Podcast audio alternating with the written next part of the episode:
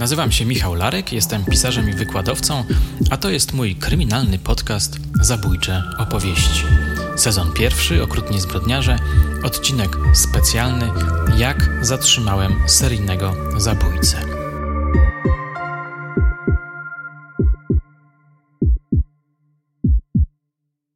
Kilka tygodni temu na mój wykład zatytułowany Kryminalna historia Poznania przyszedł inspektor Marek Bronicki, oficer, który osobiście zatrzymał Tadeusza Kwaśniaka, seryjnego zabójcę chłopców. Na moją prośbę opowiedział studentom o swoim udziale w tym szalenie emocjonującym śledztwie. W niniejszym podcaście zaprezentuję kilka fragmentów tego spotkania. Z kronikarskiego obowiązku zaznaczam, że opowieści doświadczonego policjanta zarejestrował Marcin z kanału Niediegetyczne, którego przy okazji serdecznie pozdrawiam. Posłuchajcie. To była sprawa seryjnego zabójcy chłopców, Y, takiej mrocznej postaci, nieprzyjemnej. To jest y, jeden z najmniej y, tolerowanych społecznie mm, przestępców. To są przestępcy, którzy czynią niewyobrażalną krzywdę dzieciom. Dzieciom, które są no, bezbronne wobec dorosłego człowieka. I wiecie, wielkie katastrofy nigdy nie opierają się na jednym błędzie. To jest zawsze seria, konglomerat różnych, różnych błędów, kiedy dochodzi do katastrofy. Tak samo jest z zatrzymaniem poważnego przestępcy.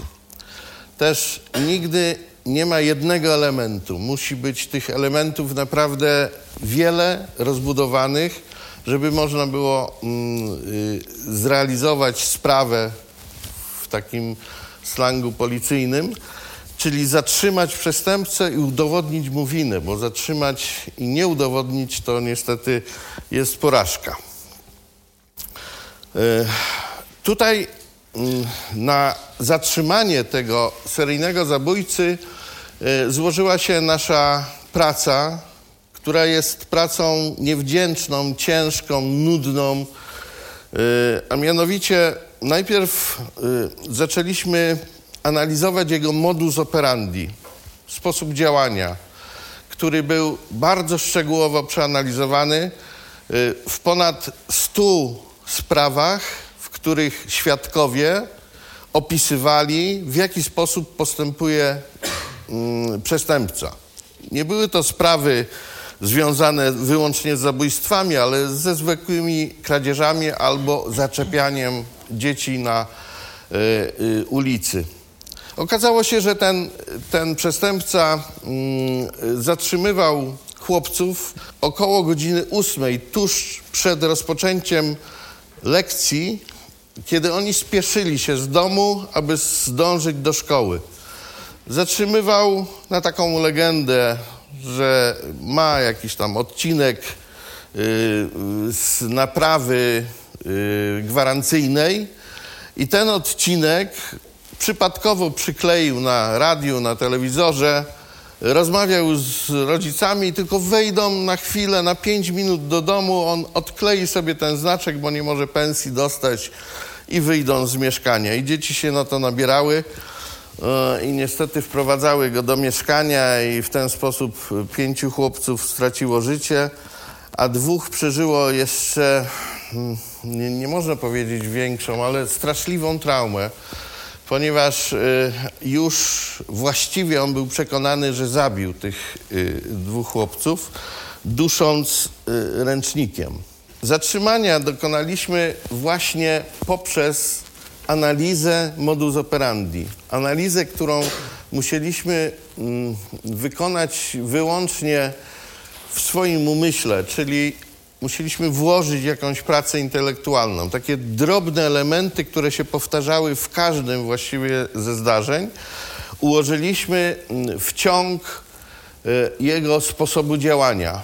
Mm, był charakterystyczny. E, chodziło zawsze o nowe osiedla w dużych miastach albo większych y, miastach, zawsze położone gdzieś w pobliżu szkoły i zawsze to była godzina 7.45 do 8, 8.30 czasami, bo kiedy się szło na dziewiątą tak zwaną do, do szkoły, to jeszcze ten ruch dzieci odbywa się tam. I tutaj od, odwiedziliśmy w Poznaniu wszystkie szkoły po zdarzeniu, jakie się e, tutaj wydarzyło, czyli po zabójstwie na Ratajach 12-letniego Krzysia, e, założyliśmy, że sprawca może wrócić do naszego miasta po raz wtóry, tak jak to się zdarzyło we Wrocławiu. I okazało się, że to nasze założenie było prawdziwe, słuszne. E, uprzedziliśmy wszystkie szkoły podstawowe, że jeśli gdziekolwiek w pobliżu szkoły będzie zaczepiany, e, będą zaczepiani uczniowie, to niech oni natychmiast przede wszystkim nie dadzą się wprowadzić do własnego mieszkania, tylko niech przy, przyjdą do szkoły i natychmiast zawiadomią nauczycieli. Pokrótce mówię o tym, jak, jaką instrukcję udzieliliśmy. I to była instrukcja, która doprowadziła do zatrzymania tego przestępcy. Kolejny fragment wykładu dotyczy okoliczności zatrzymania Tadeusza Kwaśniaka. W ramach eksperymentu możecie porównać relację Bronińskiego z tą, która została zamieszczona w mężczyźnie w białych butach. Posłuchajcie. Pewnego pięknego dnia a piękny był, pogoda była niesamowicie słoneczna. Rano otrzymaliśmy sygnał, że na ratajach byli zaczepiani chłopcy przed szkołą. No pech chciał, że to było na osiedlu Rusa, pech dla sprawcy, a ja na tym osiedlu akurat mieszkam. Także teren znałem. Do natychmiast taka informacja, jak przyszła, podniosła na nogi całą komendę wojewódzką. Kto żyw, wsiadł do samochodu i ponad 30 patroli rozjechało się po całych ratajach, bo nie wiadomo było, gdzie on się pojawi, czy jeszcze y, go znajdziemy. Ja jako znając teren i jako, że tam sygnał akurat było z tej szkoły podstawowej y, na osiedlu Rusa, no wybrałem sobie, jako prowadzący sprawę mogłem to zrobić, wybrałem właśnie ten, a nie inny rejon. No i po przyjeździe do szkoły okazało się, że y, zaczepił kilkunastu chłopców, trzech takich najbardziej rezolutnych, tych, którzy zapamiętali charakterystyczne elementy ubioru y, tego sprawcy, postanowiliśmy wykorzystać do penetracji terenu. No i przygotowaliśmy się do usadzenia ich w samochodzie. Oczywiście nie wolno y, uczniów zabierać ze szkoły samopas y, we własnym towarzystwie, więc musiała jechać z nami pedagog szkolna. I dzieci przygotowywały się właśnie, bo kończyły zajęcia, przygotowywały się do wyjazdu. Pedagog szkolna poszła też po, po swoje rzeczy. Mieliśmy kilka minut y, dosłownie przed wyjazdem w teren, y, żeby y, ogłosić, jak wygląda sprawca, ponieważ dzieci bardzo szczegółowo opisały jego wygląd. Charakterystyczne białe buty, które no, prawdopodobnie to były prosto ze sklepu i, i w, po prostu raziły swoją bielą. E, ciemne spodnie, e, brązowa aktówka, taka typu dyplomatka, teraz już takich się nie nosi, a to była taka prostokątna e, teczka dość charakterystyczna. I te elementy mm, spowodowały, że mogłem nadać komunikat przez radio w naszym samochodzie marki Polones i właśnie nadawałem komunikat, siedząc na miejscu pasażera, że jest to mężczyzna z teczką, w białych butach, które z daleka e, swoją bielą świecą i, i sprawiają, że staje się on charakterystyczny w tłumie. Mm, I obok siedział mój kolega, kolega, który No, był słusznego wzrostu, słusznej wagi, taki potężny, potężny mężczyzna. E, akurat w tym dniu e, robił, jak to się mówi, za kierowcę. E, I nadawałem o tym wyglądzie komunikat, a mój kolega tak sobie siedział i pukał w kierownicę, nagle spojrzał w bok i mówi: Patrz. A ten się nie chce wyrażać, też ma białe buty. No i w tym momencie właściwie już nie potrzeba nam było żadnych słów. Nie czekając na, na, te, na te dzieci, na, te, na tą nauczycielkę i na trzeciego naszego kolegę, który, e, który e, w szkole zbierał te, e, tych naszych pasażerów samochodu. W tym momencie ruszyliśmy. On odpalił samochód, pojechaliśmy taką alejką która nie nadawała się co prawda do jazdy, ale, e, ale do ruchu pieszego. E, zajechał z tyłu, za, za tym sprawcą zaczął jechać, wyłączył silnik, żeby nie wystraszyć go. Jak zobaczyłem, jak chodzi ten człowiek, a przesłuchałem ponad 200 świadków przedtem, którzy mówili o charakterystycznym rzucaniu nogą, takim, takim on nie kulał, ale tak rzucał nogą. Później się okazało dlaczego. Przestrzelił sobie przypadkowo y, kolano. To już wiedziałem, że to jest on. Kolega podjechał, a że był duży, to tak za bardzo nie mógł wyskoczyć. Że udało mi się wyskoczyć z samochodu, rzucić się na tego e, e, sprawcę. Ja już byłem, ja byłem przekonany na 200%, że to on. Okazało się, że to słuszne. No i po powaleniu na, na ziemię zatrzymaliśmy go do samochodu i dzieci... Mm, akurat wycofaliśmy się, bo tam nie można było dalej jechać, musieliśmy się cofnąć pod szkołę. E, no i dzieci widząc go, o to jest ten, to jest ten, to już nas, e, nas utwierdziły. Ten fragment inspektor Bronicki nazwał anegdotką, ale w gruncie rzeczy jest to całkiem poważna opowieść o procesowym wymiarze śledztwa. Polecam go tym wszystkim, którzy chcą lepiej poznać realia policyjnej roboty. Rzecz dzieje się w czasie wizji lokalnej w Szczecinie i dotyczy bardzo istotnej kwestii, jaką jest wiarygodność słów przestępcy. Posłuchajcie. Anegdotka. Zaprzeczenie, które,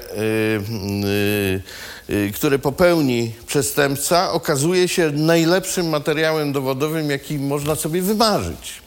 Wyobraźcie sobie taką sytuację. Po y, zatrzymaniu tych wszystkich przesłuchaniach, y, budując materiał dowodowy, y, wykonaliśmy serię wizji lokalnych, czyli braliśmy tego sprawcę, Tadeusza K., na miejsce dokonania przestępstwa i on odtwarzał wszystkie Y, fakty, jakie zaistniały na miejscu przestępstwa. One muszą korelować ze śladami, jakie mm, zostały zabezpieczone w sprawie. Jeśli są rozbieżności, no to trzeba to wyjaśnić. Kto mija się z prawdą? Czasem przestępca fałszywie przebiegł zdarzenie po to, aby zbudować swoją y, linię obrony umniejsza swoją rolę, y, y, wprowadza wątki niepewności, a każda zauważana niepewność musi przez sędziego zostać wykorzystana na korzyść tego podejrzanego. I tak się zdarzyło taka sytuacja w Szczecinie.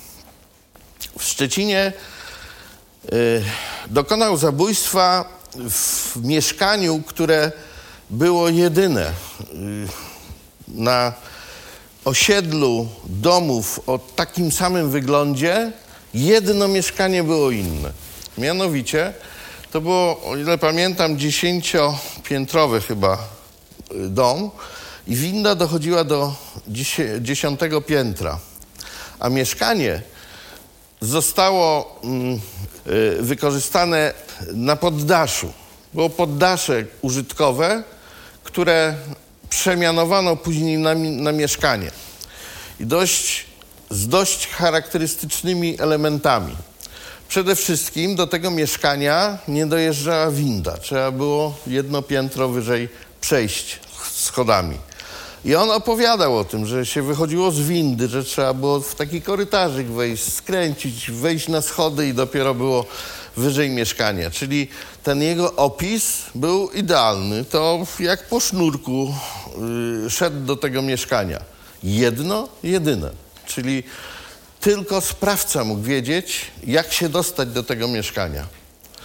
Yy, myśmy oczywiście przedtem rozpoznanie terenu zrobiliśmy, no bo to jest taka wizja lokalna nie tylko polega na tym, że Y, podejrzany chodzi, pokazuje, co robił, w którym miejscu, jak się zachowywał, ale my musimy mu również zapewnić bezpieczeństwo, ponieważ y, dochodzi do tego element samosądu. On społecznie y, był no, bardzo źle przyswajany, nie tylko w więzieniu, gdzie, gdzie często no, zdarzyło się, że, że został bardzo ciężko pobity, Mm, nie akceptują tego i współwięźniowie, nie akceptuje tego społeczeństwo.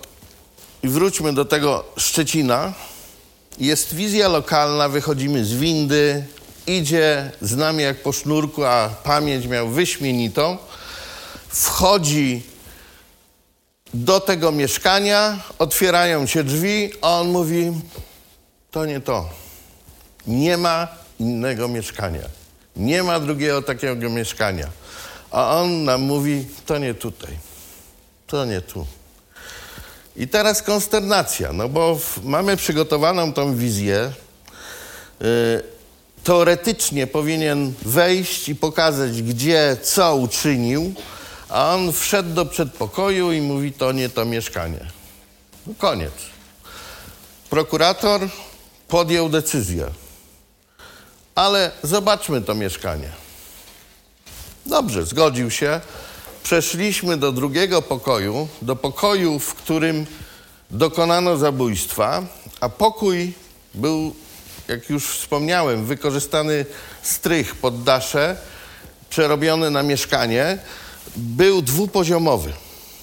I na środku pokoju była taka schoda. Właśnie przy tej schodzie dokonał zabójstwa, dociskając kolanem chłopca do, do, yy, do tej schody i dusząc go.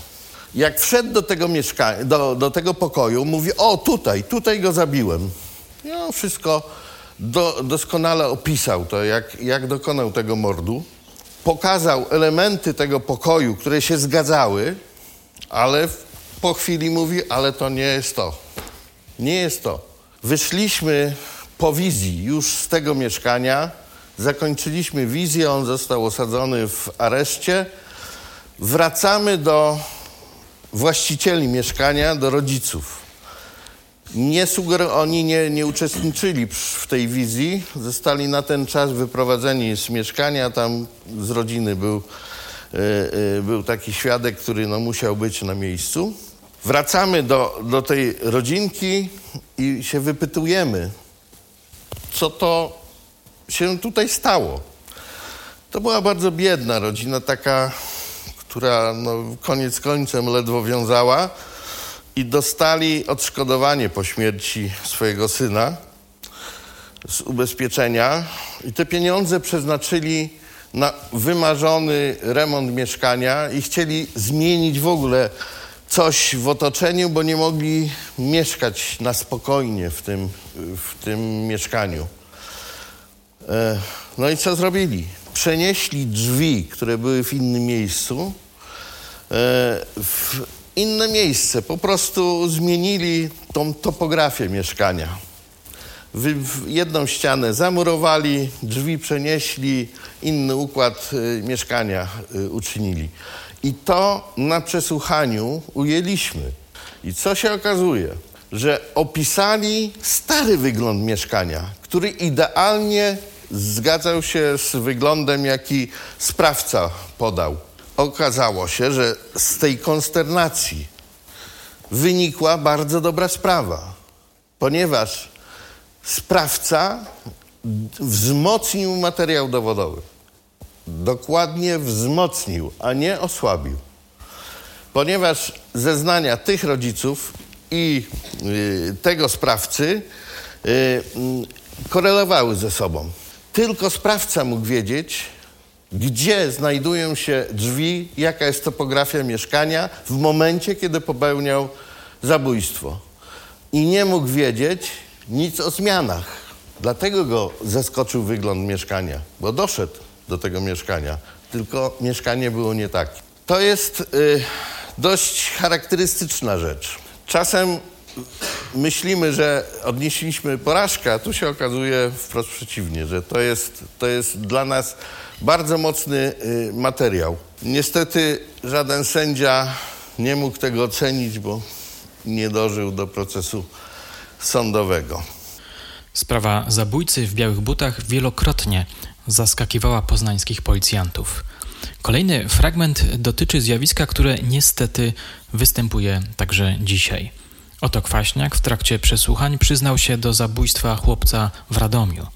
Tymczasem tamtejsze organy ścigania zatrzymały nieco wcześniej sprawcę, a raczej sprawców tego mordu. Posłuchajcie. Te wizje lokalne y, odgrywały bardzo ważną rolę. Y, była taka też y, wizja dość dla nas charakterystyczna w Radomiu. Tam prowadzono sprawę po zabójstwie chłopca, prowadzono sprawę przeciwko grupie takich nielatów, którzy no, dość ostro dokuczali na na tym osiedlu, na którym zginął chłopiec. E, I oni zostali skazani za zabójstwo tego chłopca. Sprawa już się odbyła, zamknięta została. Oczywiście w postępowaniu dla, w sprawach e, nieletnich. Trochę inne to postępowanie jest prowadzone, w trochę inny sposób. Tam już sobie prokuratorzy odebrali nagrody, cieszyli się, że mają wykrytą sprawę, aż tu nagle nam na, na przesłuchaniu on przyznaje mi się do zabójstwa w Radomiu, które nie było brane początkowo pod uwagę, że on jest sprawcą, no bo sprawcy już są ustaleni, już zostali skazani. I podjęliśmy jednak ryzyko, pojechaliśmy do, tej, do tego Radomia. On odtworzył ścieżkę, jaką doszedł do mieszkania, wskazał dokładnie, gdzie popełnił zabójstwo i podał takie szczególiki, na przykład y, kładka nad drogą, pod spodem dość y, duża przepaść, tylko on mógł o tym wiedzieć, bo no nie, nie był mieszkańcem Radomia, a, a miejsce dość charakterystyczne. Myśmy w ogóle nie wiedzieli, że taka kładka istnieje. Opisał dokładnie, jak doszedł, jak wszedł do mieszkania, gdzie spotkał chłopca. No i co się okazało? Że y, te elementy sprawiły, że otrzymał zarzut zabójstwa tego chłopca w Radomiu, a sprawa tych nieletnich musiała zostać odkręcona. No i oczywiście y, doszło do tego, że znowu zbieg okoliczności. Ci chłopcy byli na klatce schodowej tylko parę pięter wyżej w momencie, kiedy dokonano zabójstwa. I świadkowie wskazali, że no oni tam byli. No to niby się wszystko zgadzało ale okazuje się, że trzeba jednak do końca, do końca z żelazną y, precyzją wyjaśnić każdy niuans w sprawie. Wizje lokalne bywają niekiedy bardzo dramatyczne. Pisze o tym czasami w swoich powieściach. Doświadczył tego nasz narrator, inspektor Bronicki. W czasie wizji lokalnej w Kutnie został obrzucony kamieniami przez mieszkańców osiedla, na którym Kwaśniak zabił jedną ze swoich ofiar. Na szczęście nie doszło do linczu, choć takie zagrożenie nagle się pojawiło. Wizja w Kutnie. Wchodzimy do mieszkania, jesteśmy tam parę godzin Między innymi e, sprawca otwiera lodówkę i mówi, że z lodówki wyjął ogórek, nagryzł i odłożył go. No kurczę, nawet ja o tym nie wiedziałem. Po prostu gdzieś mi to zniknęło. Okazało się, że faktycznie w lodówce został znaleziony nadgryziony ogórek. Matka chłopca, który, który zginął, sądziła, że to ten chłopiec nadgryzł. Tak zostawił. Się okazało nie, sprawca. Gdybyśmy wcześniej wiedzieli, można by ślady zębów zabezpieczyć. To też jest bardzo charakterystyczny, ważny element dowodowy. Ale ta y, wizja dość długo tam trwała, tam ojej, nie wiem, czy 6 czy 8 godzin. Bardzo długo byliśmy w tym mieszkaniu. On ze szczegółami opowiadał, bo y, były charakterystyczne tak, też elementy w tym mieszkaniu. No i po tej wizji wyszliśmy na zewnątrz do radiowozu. Ja byłem przykuty do niego kajdankami, a byłem w cywilnym ubraniu. On też w normalnym ubraniu, dlatego później polubiłem mundur. I tak się stało, że wychodząc z nim przed blok, w którym dokonał zabójstwa, ja byłem od strony zewnętrznej, on od wewnętrznej przy ścianie. No i tam mieliśmy przykład chęci linczu ze strony mieszkańców, ponieważ rodzina tego zabitego chłopca była otaczana wielką estymą. E, w ogóle e, na tę rodzinę w, w tym roku, w którym e, dokonano zabójstwa, spadło kilka nieszczęść, szczególnie na tą matkę. Umarł jej ojciec, matka, mąż i w końcu syn. A ona była osobą niezmiernie lubianą i znaną w Kutnie, bo była główną księgową w tych y, zakładach farmaceutycznych. To, to największy zakład y, w Kutnie. Na nią spadały te gromy, się całkowicie załamała, a ludzie jej współczuli.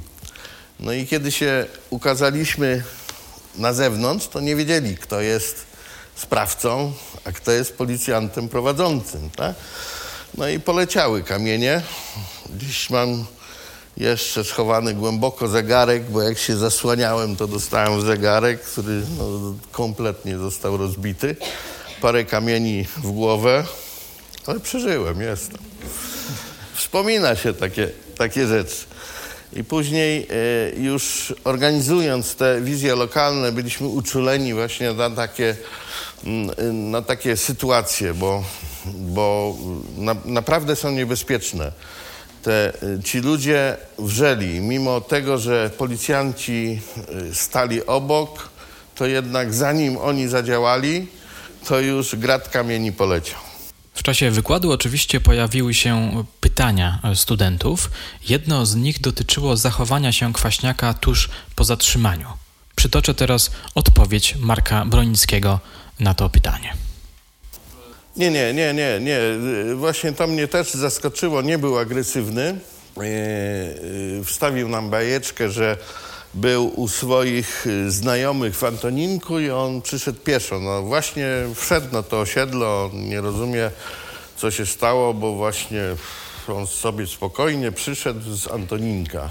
A ja mówię, a którędy szedłeś? No nie umiał powiedzieć. Także no, dla mnie oczywiście to była od początku bajka, ale okazało się, że tych znajomych miał. Kilka lat wcześniej on w ogóle był z Poznaniem przez pewien czas, krótki czas był związany. I miał takich znajomych. Ale oczywiście to nie było prawdą.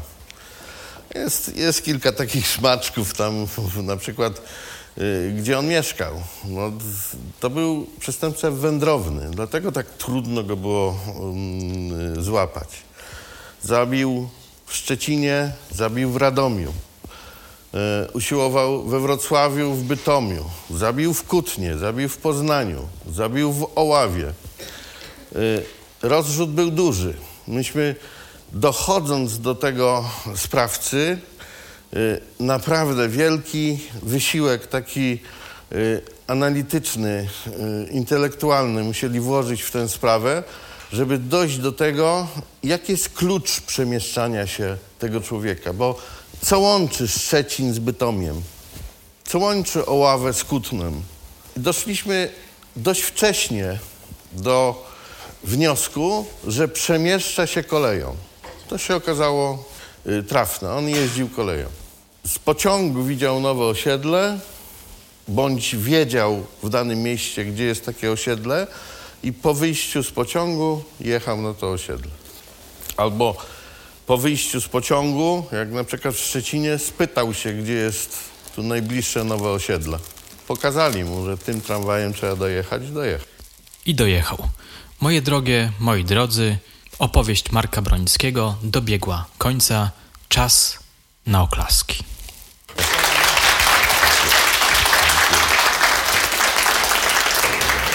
Ale zanim się rozstaniemy, dwa ważne ogłoszenia. Po pierwsze, już niebawem wystartuje nowy sezon zabójczych opowieści zatytułowany Szalone lata 90. I po drugie, 27 maja tego roku odbędzie się premiera nowego wydania Martwych Ciał reportażu o Edmundzie Kolanowskim, który napisałem we współpracy z mecenasem Waldemarem Ciszakiem. Przypominam, że to nowe wydanie będzie rzeczywiście nowym wydaniem. Będzie uzupełnione o nowe materiały. Na dzisiaj to już wszystko. Dziękuję za uwagę i do usłyszenia niebawem.